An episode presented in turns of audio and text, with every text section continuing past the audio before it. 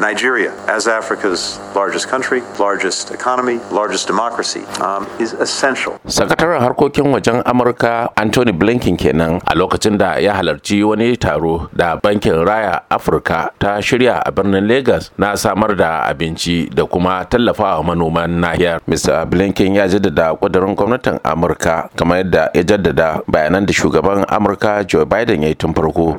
As President Biden has said, uh, Africa feeds itself, and actually more than itself. Cewa kamata ya a ce nahiyar Afirka tana ciyar da kanta ba ma ciyar da kan nata ba ciyar da sauran ƙasashe na duniya. A place where Africa uh, feeds the world. To koya 'yan Najeriya musamman ma dai masana tattalin arziki ke kallon wannan ziyara na bunƙasa tattalin arzikin Najeriya da ma Afirka ga dai Dr. Dauda Muhammad Kwantagora masanin tattalin arziki da saka jari.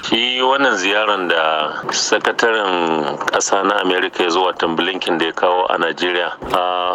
Wani daga cikin alfanun shi shine an daɗe ba a samu irin wannan ziyara daga wani babban jami'i na ƙasan Amerika ba. To kuma idan ka lura yanzu akwai rikita-rikita da kuma yaƙe-yaƙe a ɓangarori na duniya. Musamman kaga yaƙin nan na rasha da ukraine ya canza salon hulɗar diplomasiya da wasu ƙasashe. So kaga afirka yanzu ana ganin mahimmancin ta tunda babba ce kuma a afirka najeriya ita babban ƙasa ne wadda take da kasuwanni. Kamfanonin da suke da alaka da wayannan ƙasashe da kuma su kamfanonin najeriya za su yi amfani da wannan dama din su ga wasu irin bukatu ne na ƙasashen amurka za su buƙata a yi hulɗar kasuwanci. Har ila yau sakataren harkokin wajen na amurka anthony blinken kafin ya tashi zuwa ƙasar ta angola ya gana da shugaban najeriya bola ahmed tinubu inda kuma ya yi alkawarin cewa gwamnatin amurka za ta baiwa ƙasashen yammacin afirka karin kuɗi har dala miliyan arba'in da biyar domin yaƙi da ayyuka irin na ta'addanci kamar da tun farko gwamnatin amurka ta yi alkawari na yaƙi da ayyukan ta'addanci a nahiyar. Tun da farko dai sakataren harkokin wajen na amurka ya kaddamar da wata cibiya da ake kira american kona a unguwar leki da ke birnin lagos wurin da za a samu muhawara da musayar ra'ayi tsakanin 'yan najeriya da kuma amurkawa domin bunƙasa zamantakewa da kuma ci gaba na tattalin arziki da kafa mulkin demokaradiyya musamman ma dai a tsakanin matasa I'm here in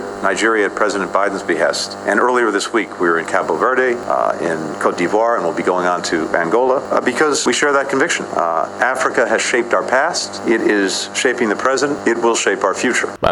Murai amurka daga lagos.